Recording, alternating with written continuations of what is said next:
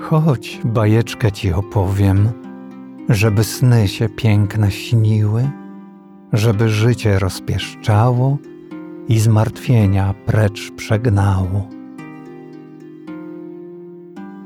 Bajki dla Majki.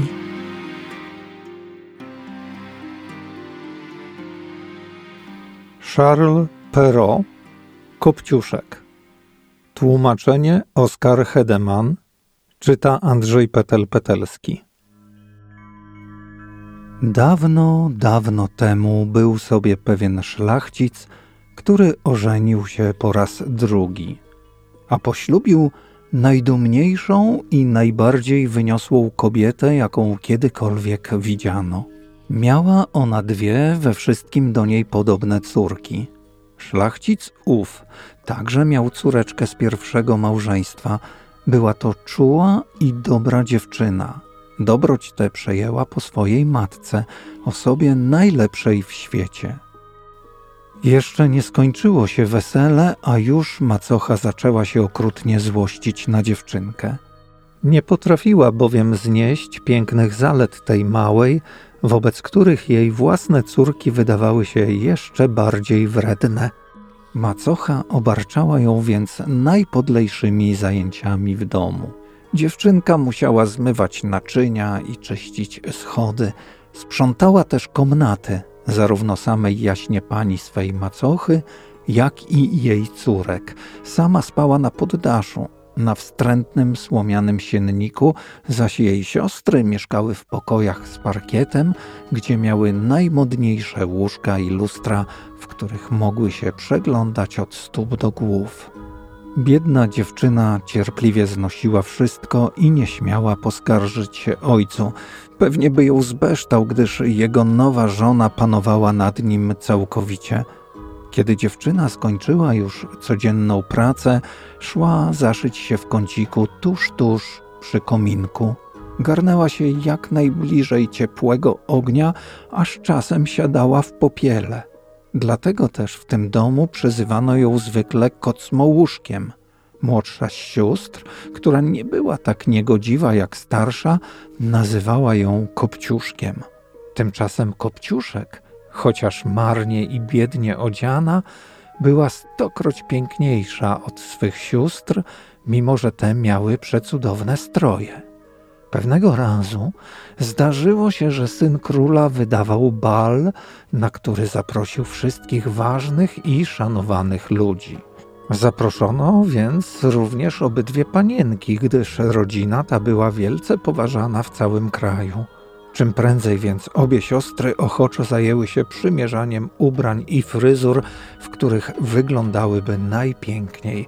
Kopciuszek zaś obarczona kolejną powinnością, musiała prasować ich szaty, a najgorsze było plisowanie rękawów sukienek. W domu rozmawiano tylko o tym, jak też się siostry ubiorą. Ja, powiedziała starsza, włożę mój czerwony, aksamitny strój i ozdobię go na angielską modłę. A ja, powiedziała młodsza. Będę miała na sobie zwykłą spódnicę, za to włożę płaszcz w złote kwiaty i diadem z diamentami, co nie ujdzie, jak sądzę, niczyjej uwadze. Posłano posłynną modniarkę, żeby uszyła czapeczki z podwójną falbanką. Kazano też zakupić mankiety uznanej koronczarki. Siostry wezwały Kopciuszka, aby zapytać ją o radę, gdyż wiedziano, że dziewczyna ma doskonały gust. Kopciuszek doradzała najlepiej jak mogła. Nawet zaproponowała, że ułoży im włosy, na co siostry chętnie się zgodziły. Gdy się tym zajęła, rzekły do niej: Kopciuszku, a może i ty zechciałabyś pójść na bal? Moje panie, pytając o to, Wyśmiewacie się tylko ze mnie, niestety. Wiem przecież dobrze, że nie dla mnie ten bal. No tak, masz rację. Wszyscy by się śmiali, gdyby ujrzeli, że kocmołuch wybiera się na bal. Za takie słowa każdy, ale to każdy uczesałby je krzywo. Jednak nie Kopciuszek. Ona miała dobre serce, więc ułożyła im włosy pięknie i gładko. Przez prawie dwa dni nic nie jadły, tak były przepełnione radością. Aby zwęzić im talię, zaciskano tak mocno tasiemki gorsetów, że zerwano ich ze dwanaście, a córki macochy wciąż przyglądały się w lustrze. Aż wreszcie nastał szczęśliwy dzień. Panienki wyruszyły na bal, a Kopciuszek śledziła je wzrokiem tak długo, jak tylko mogła. Kiedy już zniknęły z jej oczu, zaczęła płakać. Widząc, jak Kopciuszek płacze, jej chrzestna matka zapytała, co jej dolega.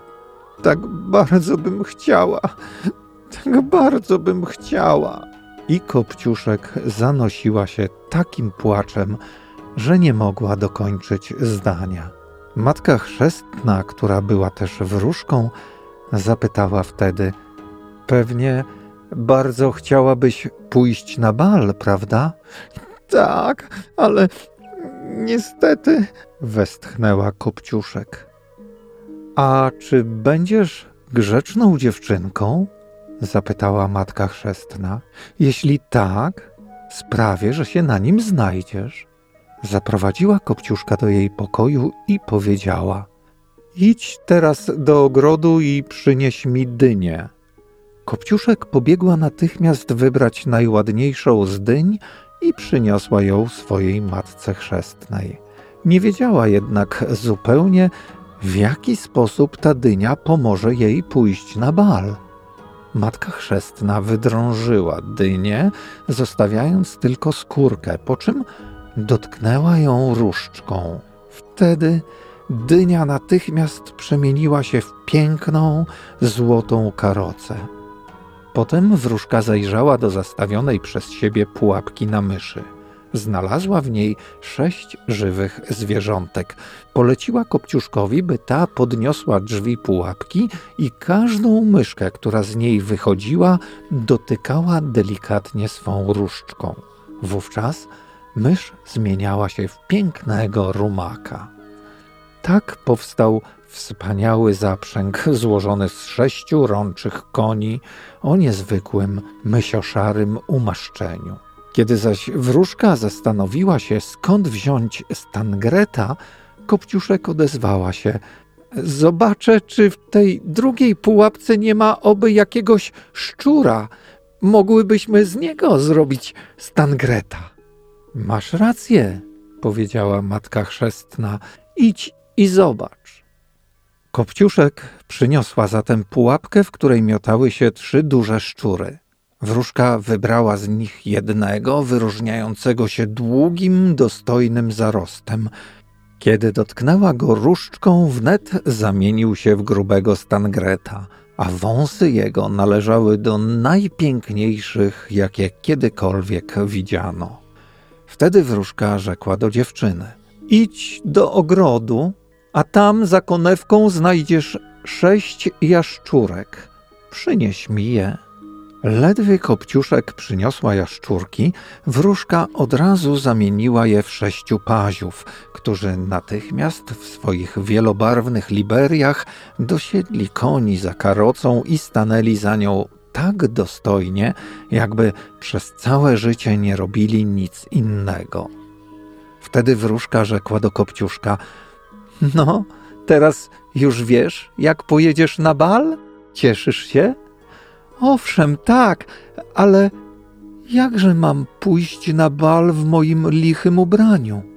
Wróżka dotknęła ją tylko swą czarodziejską różdżką, a w jednej chwili ubranie kopciuszka zmieniło się w suknię ze złota i srebra, całą lśniącą od klejnotów. Potem dała jej parę szklanych, najładniejszych na świecie pantofelków. Gdy kopciuszek pięknie przystrojona wsiadła już do powozu, matka chrzestna ostrzegła ją, by w żadnym razie nie wracała po północy. Powiedziała jej, że jeśli zostanie na balu choć przez chwilę dłużej, jej powóz zmieni się na powrót w dynię, konie w myszy, lokaje w jaszczurki, a jej stare ubranie powróci do dawnej postaci. Dziewczyna obiecała swej chrzestnej matce, że nie zapomni opuścić balu, nim nastanie północ. Wyruszyła zatem na bal, nie posiadając się z radości. Królewicz, którego powiadomiono, że właśnie przybyła wielka księżniczka, której nikt z obecnych nie znał, pobiegł ją przywitać. Podał jej rękę, gdy wysiadała z powozu i zaprowadził do sali, gdzie zgromadzili się wszyscy goście. Gdy weszła do sali balowej, nagle zapadła głęboka cisza. Tańce ustały, skrzypce grać przestały. Wszyscy zapatrzyli się na nieznaną nikomu pannę o wspaniałej urodzie. Zewsząd dochodził jedynie pełen podziwu szmer. Ach, jakże ona jest piękna! Nawet sam król w podeszłym już przecież wieku nieustannie na nią patrzył i mówił cicho do królowej, że dawno nie widział tak uroczej osoby. Wszystkie panie chciały przyjrzeć się z bliska jej włosom i szatom, aby następnego dnia mieć podobne, jeśli tylko uda im się znaleźć równie wyszukane tkaniny i wystarczająco zręcznych rzemieślników. Królewicz posadził ją na honorowym miejscu, a potem zaprosił do tańca. Tańczyła z tak nieopisaną gracją, że wprawiło to wszystkich w jeszcze większy podziw. Przyniesiono wykwintny posiłek, ale królewicz nie tknął go nawet, tak bardzo był bowiem oczarowany widokiem kopciuszka. Ona tymczasem poszła usiąść ze swoimi siostrami. Rozmawiała z nimi, zasypując je tysiącem uprzejmości, dzieliła się też pomarańczami i cytrynami, którymi poczęstował ją królewicz. Siostry bardzo to wszystko dziwiło, gdyż zupełnie jej nie poznały. Kiedy tak ze sobą gawędziły, Kopciuszek usłyszała, jak zegar wybija za kwadrans dwunastą. Natychmiast więc z szacunkiem pokłoniła się wdzięcznie towarzystwu i oddaliła się tak szybko, jak mogła. Po powrocie do domu udała się do swojej matki chrzestnej i podziękowawszy jej, powiedziała, że następnego dnia chciałaby znowu pójść na bal, ponieważ królewicz bardzo ją o to prosił. Gdy zajęta była opisywaniem matce chrzestnej tego wszystkiego, co wydarzyło się na balu, dwie siostry załomotały do drzwi. Kopciuszek pobiegła im otworzyć.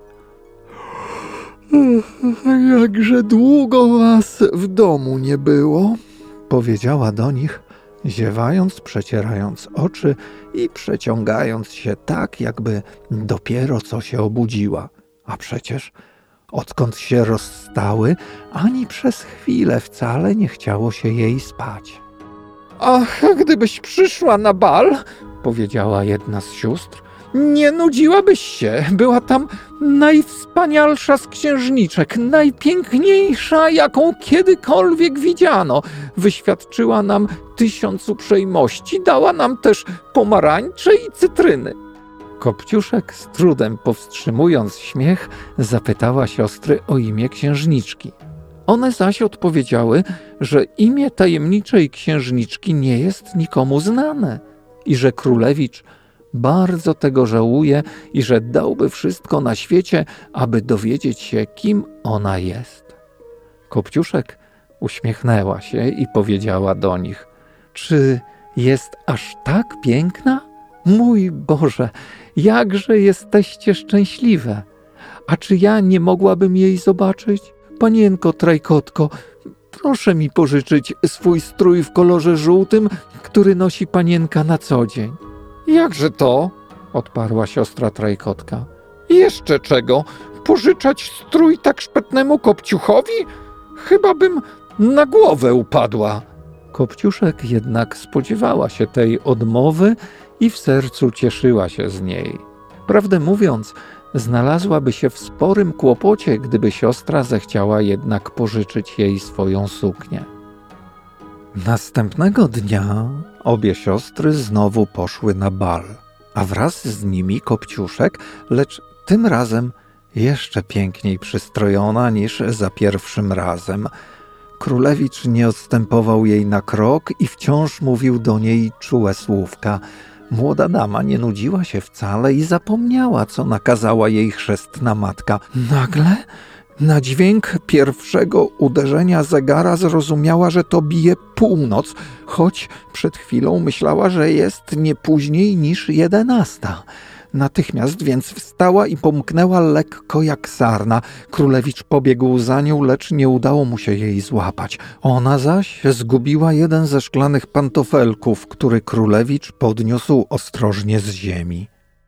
Kopciuszek przybyła do domu mocno zdyszana, bez karocy, bez lokajów, w lichym ubraniu.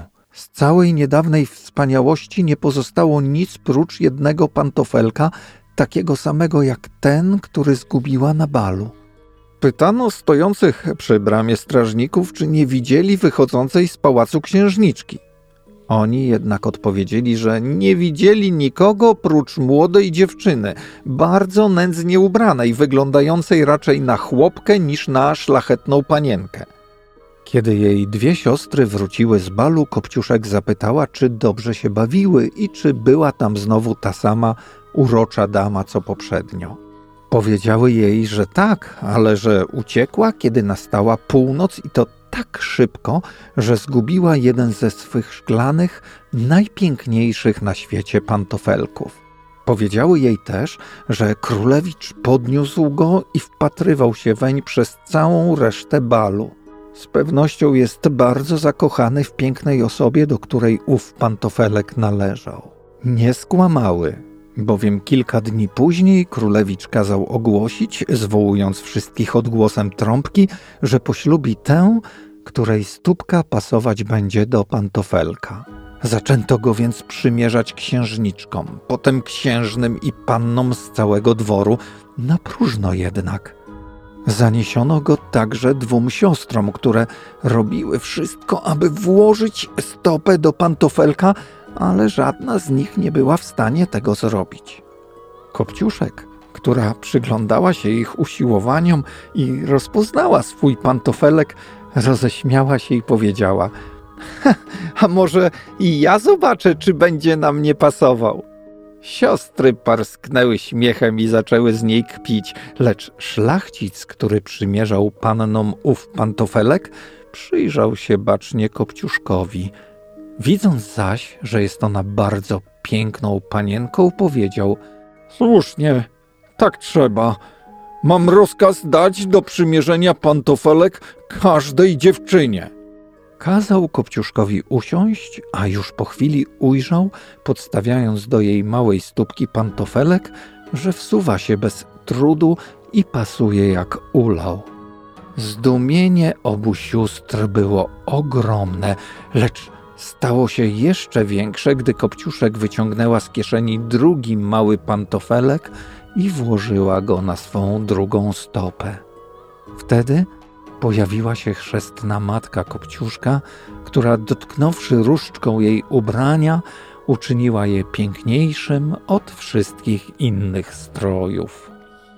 Wówczas dopiero obie siostry rozpoznały w Kopciuszku ową piękną pannę, którą widziały na balu, rzuciły się do jej stóp, aby prosić o przebaczenie za wszystkie krzywdy, które jej wyrządziły. Kopciuszek kazała im wstać z kolan, potem ucałowała je i oświadczyła, że wybacza im z całego serca i prosi tylko, aby od teraz zawsze ją kochały. Zaprowadzono ją do królewicza ubraną w te same przepiękne szaty, on zaś odkrył, że jest jeszcze urodziwsza niż mu się wcześniej wydawało. Kilka dni później poślubił ją. Kopciuszek, która była równie dobra jak piękna, pozwoliła swym dwóm siostrom zamieszkać w pałacu. Jeszcze tego samego dnia wydała je również za mąż za dwóch dostojnych dworzan królewskich. Morał. Bezcennym skarbem jest piękno kobiety, ono nikomu znudzić się nie zdoła. powab i urok to jednak zalety prawdziwie cenne, warte więcej zgoła. Mówiła matka chrzestna do Kopciuszka.